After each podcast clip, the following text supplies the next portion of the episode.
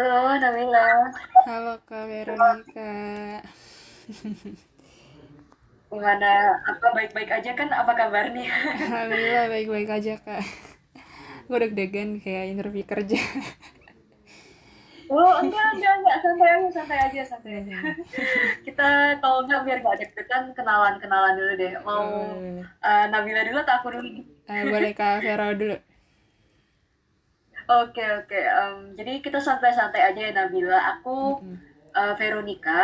eh, biasanya orang-orang manggil kalau nggak Vero, Ika sih.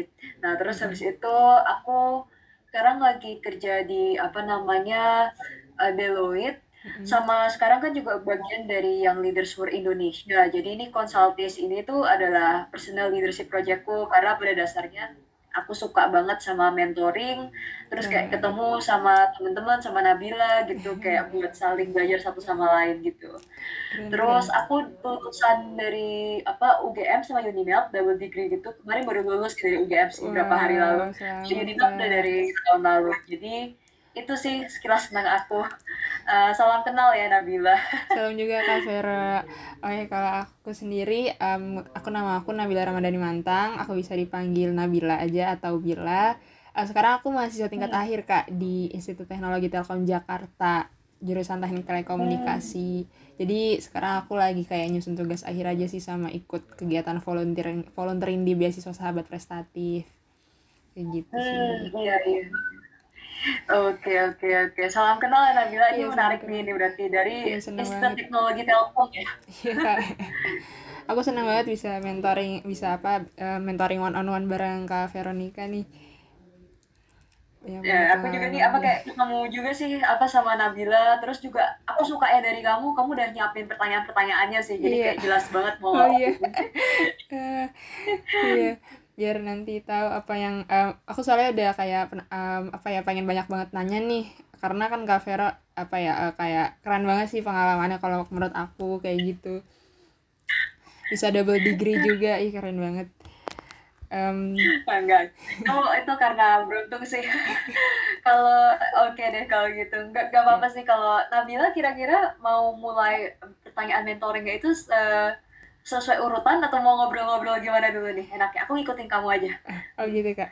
Eh, gini deh, eh, mungkin aku mau nanya-nanya em, apa ya yang ringan-ringan dulu aja kali ya kayak em, Kak Vero dulu tuh em, emang apa ya emang pengen eh, pernah nggak sih kayak ngerasa galau eh, mau ngelanjutin ke jenjang karir seperti apa kayak gitu terus milih jurusan eh, galau milih milih jurusan kayak gitu-gitu yang sampai bisa nganterin Kak Vero sampai sekarang Oke. Kalau soal galau atau gimana bingung soal karir itu pernah sih. Jadi kalau Mm-mm. waktu dulu kan aku SMA IPA tuh karena disuruh orang tua kan. Jadi kayak Mm-mm. uh, aku nggak tahu passionku apa gitu. Jadi kayak aku ngikut-ngikut aja. Terus pas jurusan kuliah juga, aduh pilih apa ya? Aku kan bingung juga kan Mm-mm. kayak apakah mau yang teknik, apakah mau yang kayak bisnis segala macam. Terus lagi-lagi diarahin orang tua di situ. Terus gak sampai di situ aja tuh kayak eh, aku juga bingung ketika diarahin orang tua itu kan kita nanti harus pilih peminatan gitu kan kayak dari Mm. ekonomika bisnis itu kira-kira kita mau milihnya kalau di manajemen itu apakah mau pemasaran, keuangan, sumber daya manusia, operasional atau strategik gitu-gitu. Nah, itu aku juga bingung juga. Dan soal karir itu aku juga dulunya tuh belum eh, netepin kira-kira mau industrinya apa kayak apakah mau fast moving consumer goods apakah Mm-mm. mau startup atau mau consulting industry itu dulu bener-bener kayak deh aku open sama apa pun yang Mm-mm. kayak pengalaman yang nanti bisa aku dapetin aku ikutin aja aku belum matok kira-kira mau industrinya apa Hmm. jadi kayak pas dulu awal-awal tuh emang masih gimana ya jurusan awal tuh explore explore sih aku belum netepin kira-kira secara spesifiknya mau gimana masih general banget Mm-mm. terus tapi kayak eh, kegalauan itu tuh kayak akhirnya tuh ketika aku udah mulai naik semester udah mulai banyak pengalamannya lama-lama aku Mm-mm. udah bisa netepin juga sih kayak oh iya tuh ternyata kayak passionku lebih ke arah industrinya mungkin kayak consulting Hmm. rather dan kayak FMCG gitu setelah aku Hmm. kemarin internship di Unilever FMCG The Mm-mm. same goes with my peminatan kayak dulunya pas aku udah berdegree di Melbourne aku aku kayaknya milih keuangan sama manajemen tapi kayaknya aku nyadar kayak aduh kayak keuangan bukan passionku deh jadinya aku Mm-mm. pindah ke pemasaran gitu. Jadi itu sih kayak emang trial and error banget dan berdasarkan pengalaman ketika kamu udah makin banyak tuh kamu udah mulai bisa nyortir nyortir sendiri gitu. Jadi take your own pace buat nentuin gitu. Gitu sih Nabila. Berarti Nah. eh, emang apa ya em, hampir sama kayak kita kita pada umumnya gitu ya Eh, kayak ga- masih, galau-galau terus bingung-bingung kayak gitu-gitu. Dan akhirnya itu em, apa namanya terga, eh, proses itu ya kayak berjalan sesuai dengan kayak dijalanin aja lah nanti di akhir-akhir bakalan eh, eh, ketemu kayak gitu. Eh, mungkin betul betul. Eh, mungkin em, aku pengen nanya sih kak, Eh, kan kakak sekarang di Deloitte sebagai em, consulting ana eh, apa kak? Eh, analis. Iya betul analis sebagai analis. Mm. Em, itu kayak tentang apa ya? em, gimana sih kak maksudnya eh, sebagai consulting analis itu Nah iya iya. ada nggak Jadi kaitannya sama orang-orang eh, manajemen Hmm, resiko kayak kayak gitu-gitu? manajemen risiko iya iya iya. Nah Mm. kalau manajemen risiko kayaknya nyambung ke pertanyaanmu ya kayak gimana sih Mm-mm. manajemen risiko ke setiap keputusan yang kita ambil nyambung ke situ kah berarti Nabila Iya kak. kayak itu. Mm, Oke. Sebenarnya gini sih kayak em, risiko ya.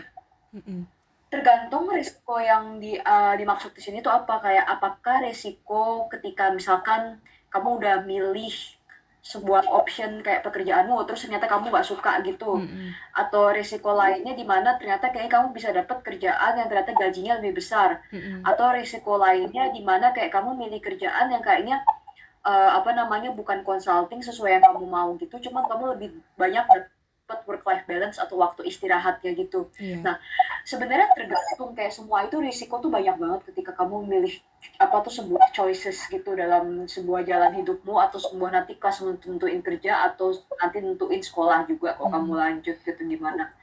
Tapi eh menurutku gini sih ketika kamu udah nentuin suatu pilihan itu kamu juga sudah menentukannya. Ketika kamu udah menimbang-nimbang kira-kira prosnya apa, kontranya apa. Jadi ya udah ketika kamu milih misalkan aku milih Deloitte nih, ya aku udah tahu nih kayak ketika aku pilih consulting industri itu resikonya mungkin kayak work life balance-ku uh, akan harus lebih kuatur. Karena mungkin waktu istirahatnya lebih dikit. Karena kan consulting bener-bener banyak banget ya kayak dikejar deadline, terus klien request segala macam gitu. Tapi at the same time uh, aku dengan menyadari risiko itu aku juga harus sadar bahwa oh aku memilih uh, sebuah choices ini untuk kerja di suatu pekerjaan analis mm-mm, consulting itu dengan sadar bahwa aku sadar kalau nanti tuh harapannya prosnya itu akan outweigh atau melebihi kontranya gitu sih. Jadi resiko itu selalu ada tapi kayak make sure juga kamu juga udah tahu kayak oke aku memilih ini dengan berkesadaran kayak prosnya akan waste the uh, the cons. And at the same time kamu juga sadar nih Mm-mm. akan mitigation terhadap risiko. Di mana-mana kalau misalkan kamu menemukan sebuah risiko mm-mm, kamu harus nentuin mitigasinya kira-kira gimana. Kayak misalkan aku mungkin ngerasa aduh work life balance ku akan lebih dikit atau gimana gitu di Deloitte karena waktu istirahatnya kurang. Nah tapi at the same time ya oke mungkin kamu carilah kayak suatu kegiatan yang bisa kayak membuat kamu nanti work life balance-nya lebih terjaga dengan cara kayak oh aku masih jaga hobiku nih. Kayak aku suka banget kayak nge-curate Spotify playlist. Mm-mm, at the same time aku juga suka banget journaling. Sama selain journaling aku suka mentoring. Di situlah tempat-tempat aku bisa kayak nge-recharge diriku gitu. Hmm. jadi aku ngerasa kayak oh even though like aku baik banget kerja di Deloitte kayak kadang-kadang tuh kayak eh, mungkin as consulting ya gak ada balance-nya tapi kayak aku bisa Hmm. recharge ketika melakukan kegiatan-kegiatan kayak gini gitu itu sih jadi carilah uh, intinya ketika risiko uh, itu pasti ada tapi uh, make sure kamu pilih itu secara berkesadaran Mm-mm. dua juga kamu udah tahu kira-kira apakah pro-nya akan outweigh the cons-nya tiga juga kamu udah siap dengan mitigasinya gimana dengan setiap manajemen risiko keputusan yang kamu ambil Siap, kurang siap. lebihnya gitu sih nah kira-kira kira-kira make sense gak? Em, bantu banget sih kak. Em, terus kak em, gini kak em, pernah nggak sih kak Kak Vero tuh em, ngerasa kayak merasa takut tertinggal atau terlambat ketika masuk ke jenjang karir atau eh, temen gue pernah ada ya udah udah segini gue pernah nggak sih kak kayak gitu kak? Oke, ini juga nih apa? eh aku sebenarnya aslinya juga lulusnya telat. Jadi Hmm. seharusnya aku kan dari aku 2016 harusnya lulusnya 2020 tahun lalu kan. Mm-mm. Tapi aku telat gitu. Nah, tapi satu hal yang aku rasakan, kamu kan nanya akan gimana kayak pernah nggak sih ngerasa tertinggal segala macem gimana gitu. eh ada sih kayak pressure kayak orang lain kayak eh kok kamu belum kerja sih? Apa aku udah kerja lo segala macam kamu kapan lulus? Kok kamu masih ikut-ikutan lomba aja sih? Kayak Iya, perasaan teman-temanku iya, udah pada lulus segala macam gitu-gitu tuh ada. bener-bener. Eh, tapi eh, menurutku ya ketika di universitas itu dan ketika di kehidupan sih eh, Mm-mm. menurutku lebih tepatnya adalah kamu tuh bu- eh, bukan sprint bukan kayak yang larinya ngebut gitu Mm-mm. tapi lebih ke arah maraton. Jadi ketika kamu mengikuti sebuah maraton, kamu bisa ngatur pace, eh, pace kamu kayak kapan saatnya kamu harus ngebut, Mm-mm. kapan saatnya kayak kamu harus kayak slowing down your pace gitu. Jadi Mm-mm. di situlah aku ngerasa kayak oh ya udah kayak eh, di maraton ini menurutku aku lagi nggak lomba-lombaan sama yang lain gitu, tapi Mm-mm. aku emang lagi ngatur paceku aja kira-kira yang paling tepat buat diriku sendiri gimana. Mm. And the same goes with kayak uh, Nabila dan juga kayak teman-teman lainnya. Kalian punya pace sendiri, gak harus kayak ngerasa, aduh kok yang lain udah duluan ya, kok aku belum belum masih gini-gini aja. Mm-mm. Karena pada kenyataannya aku ngeliat banyak banget juga teman-temanku yang udah lulus duluan, tapi mereka lulus duluan dan baru dapat kerjanya kok, loh kok baru dapat kerjanya uh, apa belakangan atau Mm. bahkan belum dapat sementara aku ya udah baru lulus sekarang tapi kayak udah dapet duluan gitu Mm-mm. jadi di situlah aku ngerasa kayak oh ini bukan saatnya kita itu sih apa namanya ngerasa minder tertinggal tapi lebih ke arah eh, percayalah bahwa jalanmu itu jalan unik yang kayak udah ditentuin juga sama yang di atas gitu. Nah, eh, jadi kayak kamu punya rencana pace-mu sendiri kamu atur dan yang di atas juga udah nentuin yang terbaik buat kamu sih. Gitu sih karena kamu yang paling tahu sendiri kira-kira yang paling bagus jalan hidupnya gimana terus selain jalan hidupnya gimana juga kira-kira kamu kapan harus kebut kamu kapan harus explore kamu kapan harus take a break kapan kamu harus sprint lagi gitu. Itu sih kalau aku banget. tips and triknya. Kira-kira kalau dari Nabila sendiri pendapatmu gimana? Eh, apa ya kak? Ini yang sebenarnya lagi yang gue rasain sekarang juga sih. Kayak aku tuh eh, lebih aktifnya tuh di akhir-akhir kayak gini gitu.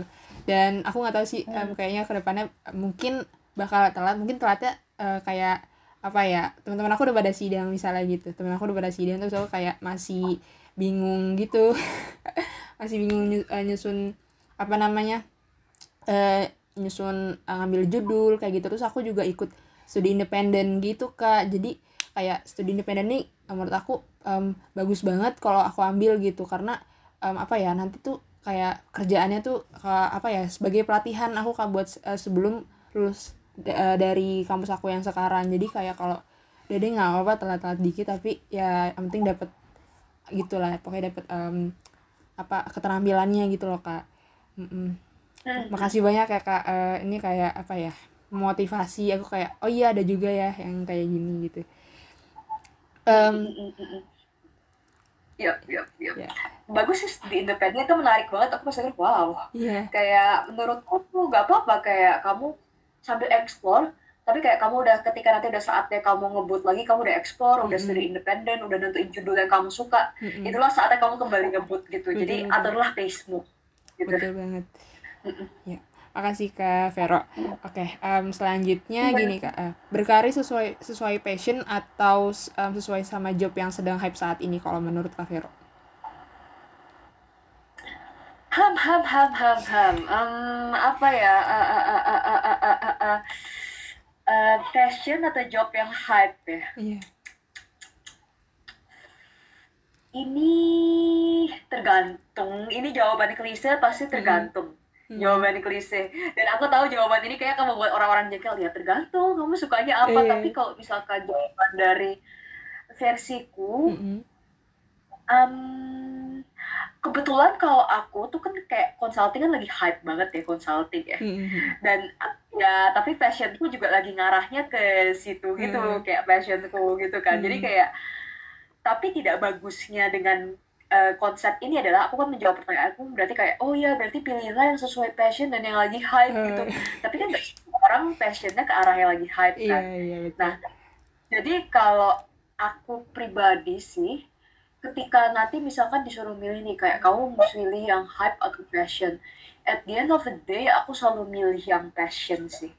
At the end of the day. Mm-mm. Karena be- beberapa alasan, kayak misalkan satu, waktu itu tuh aku udah internship di Unilever, magang, Mm-mm. tapi aku nyadar kayak scope-nya itu sama keseharianku di sana aku nyadar gak gitu sesuai dengan Mm-mm. passionku gitu di mana kayak dulu kan aku ngira oh passionku marketing nih kayak tapi marketingnya juga belum spesifik banget apakah Mm-mm. marketing yang macam strategik apakah marketing yang kayak brand apakah Mm-mm. marketing yang kayak desain desain Mm-mm. itu juga belum kelihatan kan jadi ketika aku udah nyemplung di Unilever yang ternyata scope kerjanya tuh kayak brand management yang gak cuman aspek strategik tapi juga harus banyak implementasi dan stakeholder Hmm. manajemennya itu juga kadang-kadang administratif aku kayak oh ya ampun kayak aku ngerasa itu kayaknya tidak sesuai gitu dengan Hmm. apa passion yang ternyata aku udah mulai explore dan udah mulai nyadar kayaknya passionku lebih ke problem solving deh dan Hmm. bikin deck yang emang lebih ke strategical Mm-mm. dibandingkan yang kayak implementation yang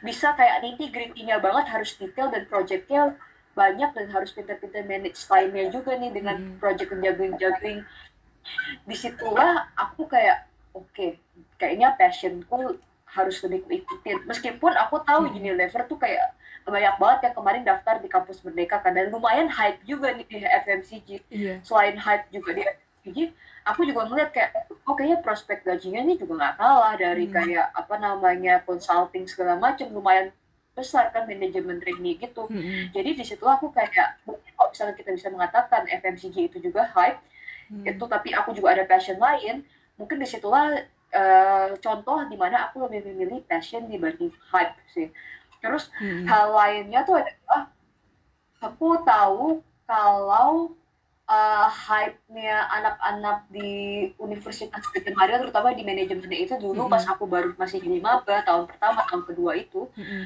mereka lebih hype-nya itu kayak ikutan organisasi terus leadership role di situ Hmm. kepanitiaan nah tapi aku kayak ngerasa aduh kayaknya aku nggak aku ikut organisasi sih sama kepanitiaan ada dulu tapi aku ngerasa itu nggak menjadi tempat self actualization yang Mm-mm. benar-benar bisa menuhin kebutuhanku.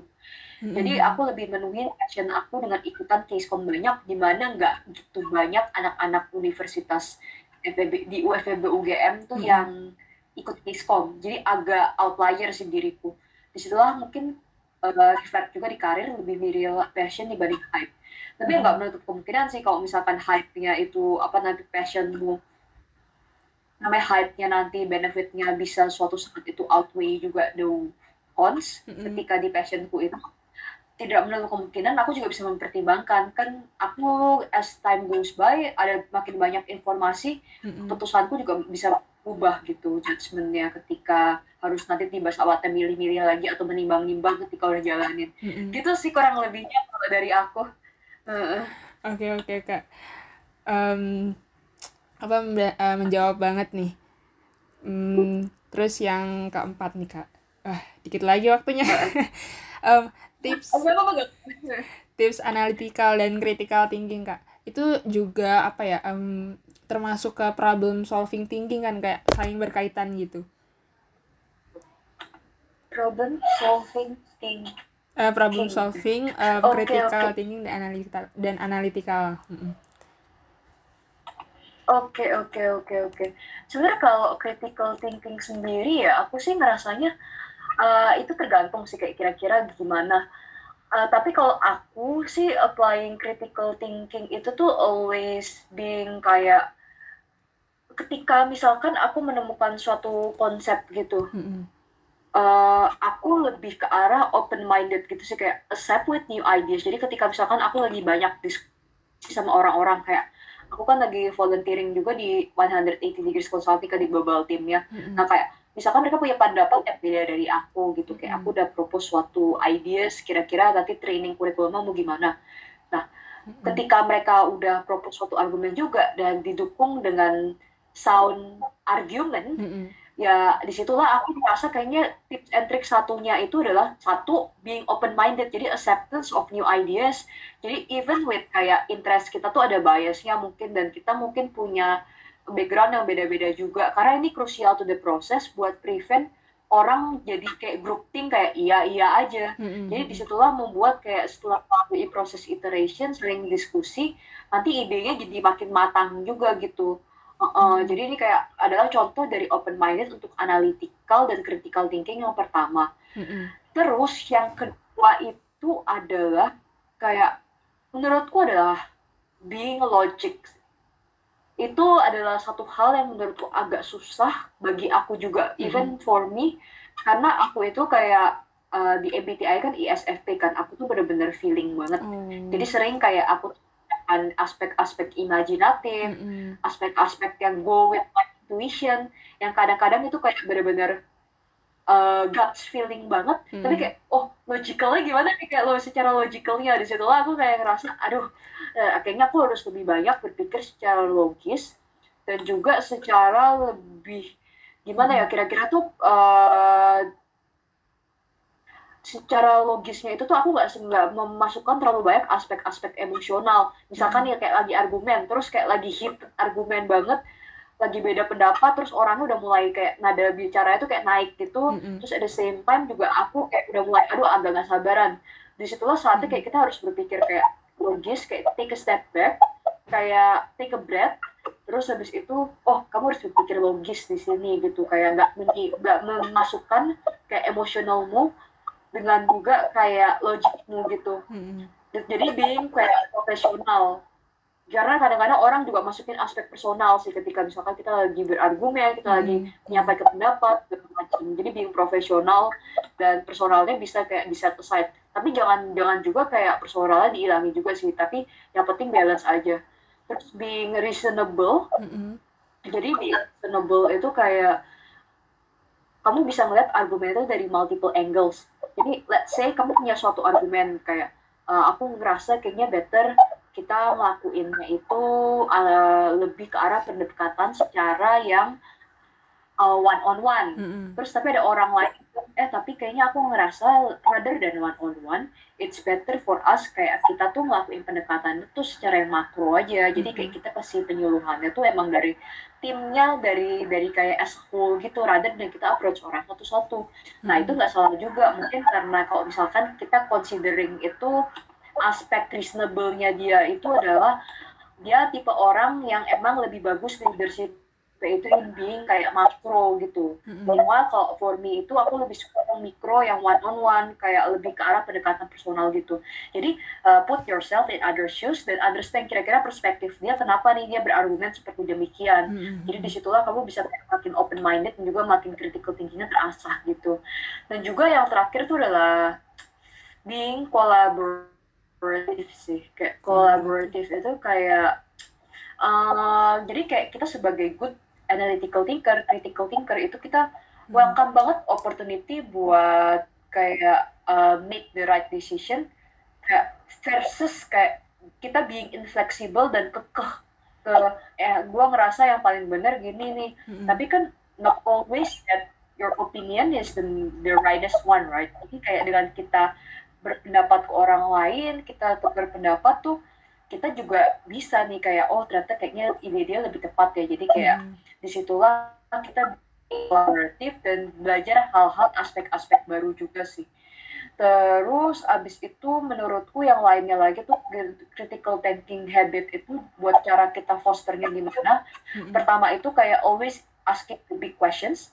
Jadi kayak kita uh, bisa kayak misalkan kita mendapatkan suatu informasi nih orang kasih tahu kita terus kita kayak nanya eh kamu dapat informasi ini dari mana Hmm. segala macam jadi kita kayak bisa melihat kira-kira sumbernya apa terus kalian juga dieksplor nih kira-kira apakah ini knowledge-nya itu emang relevan Mm-mm. untuk apa pertanyaan untuk project yang akan aku lakukan terus habis itu kamu juga comprehend alias reflect it kira-kira apakah kamu understand information ini dan diorganize dan diprioritize kira-kira idenya gimana titik list dari informasi tersebut untuk disampaikan di argumen terus kira-kira aplikasinya gimana nih? Kayak misalnya kamu udah mendapatkan suatu informasi yang kamu dapat kayak waktu dulu aku misalkan pernah ikutan suatu subjek namanya kayak organizational behavior. Ilmu-ilmu yang aku dapat dari situ sama juga kayak business communication, pathos, ethos, logos.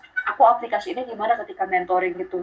Dan yang terakhir adalah analysis. Kayak kira-kira gimana nih kamu bisa menganalisa each komponen yang ada dari suatu informasi.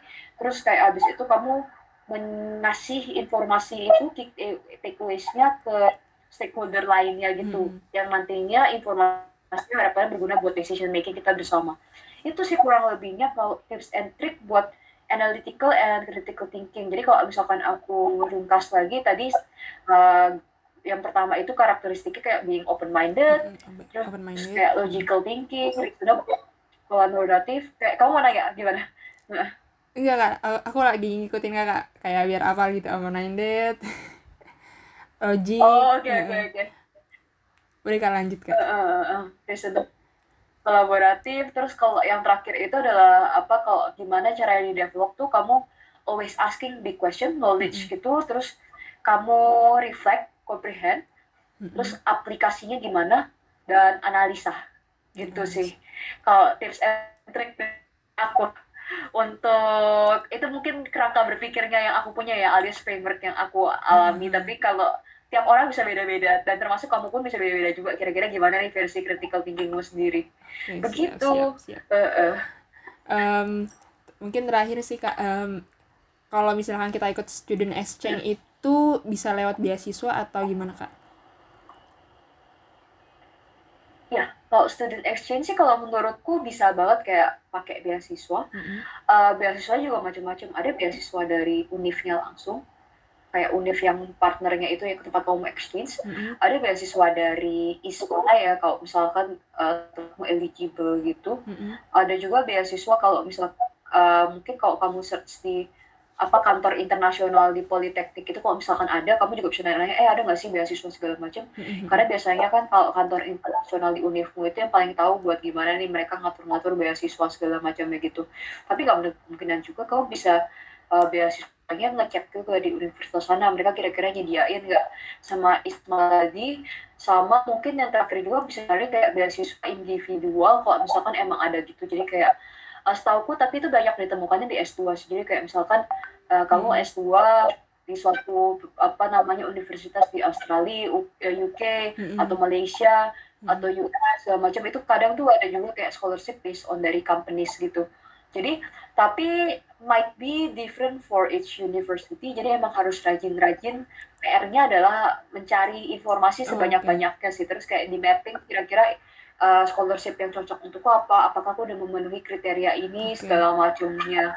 Gitu sih kalau misalkan buat exchange dan urusan scholarship. Karena Mm-mm. dulu kalau aku berkaca pada pengalamanku pribadi, kalau buat yang aku ke Melbourne itu Mhm. scholarshipnya dapatnya dari universitas di Melbourne ya jadi dari Oh. universitas sana langsung tapi kalau aku pas summer program di Singapore Management University Mm-mm. itu kita dapat scholarshipnya itu dari suatu foundation di sana kayak namanya Tahir Foundation Mm-mm. yang emang kita tuh ada GM partneran sama Singapore Management University terus kayak partnerannya itu kayak in form of Tahir Foundation tuh kasih scholarship ke kita gitu buat anak-anak UGM agar Hmm. bisa sekolah di SMU and the same goes with anak-anak SMU yang mau sekolah di UGM mereka juga bisa dapat scholarship dari Tahir Foundation ini. Nah, itu aku tahu dari mana? Dari kantor internasionalnya UGM. Jadi rajin-rajin sih ya cari informasi karena kayak Hmm. dengan di situlah kamu bisa ngeliat kayak oh ternyata ada chance-chance nih buat buat dapat beasiswa-beasiswa kalau misalkan aku exchange gitu kurang lebihnya. Berarti kita harus rajin eh, informasi ya kak. Oke, em, terakhir deh pesan dari kakak buat aku. Pesan Mm-mm. Yang Apa aja pertama apa ya? Aku ngerasa udah enak banget sih kayak diskusi sama kamu. Terus kayak yang aku suka dari kamu tuh, kamu udah pro- provide structure agenda ketika misalkan eh, kamu mau set meeting sama aku, which is really good. Mm.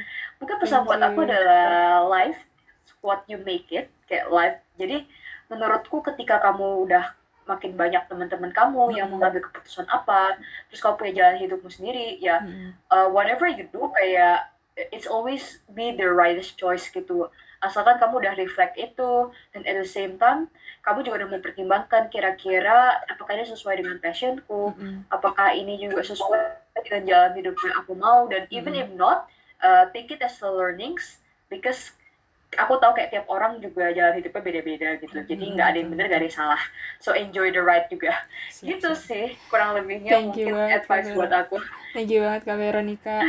Oke kalau gitu, em, aku boleh ini kak. Oh ya kak, em, aku bikin rekaman em, dari tadi diskusi kita tuh aku, aku rekam gitu kak. Gimana? a- kakak keberatan Nggak Eh, Pak biar aku bisa dengerin terus gitu. Oke terima kasih banyak nih kak Vera. Iya, Nabila. kalau gitu sekarang em, boleh ini kak apa namanya? Em, apa namanya dokumentasi kak foto bareng. Jadi siap-siap, kak. Oke. makasih. Oke. Satu dua. Ya. Satu dua. Oke, terima Oke. kasih Kak Vero. Terima kasih banyak. Mantap, thank you Nabila ya. Iya, ini Kak. diskusinya bagus banget kayak nanti kalau ada apa-apa kontak aku aja kayak add aku lewat LinkedIn atau follow Instagram juga boleh. Nanti kita kontak-kontak lagi. siap, siap. Eh, Terima eh. kasih Kak. Oke, dadah Nabila. Dadah Semangat Kak. ya. Iya. Nah. Mm-mm. Kenapa? Bisa Bisa. Jadi nggak usah pakai HP lagi. ke speaker aja Wil Hah? speaker Speaker.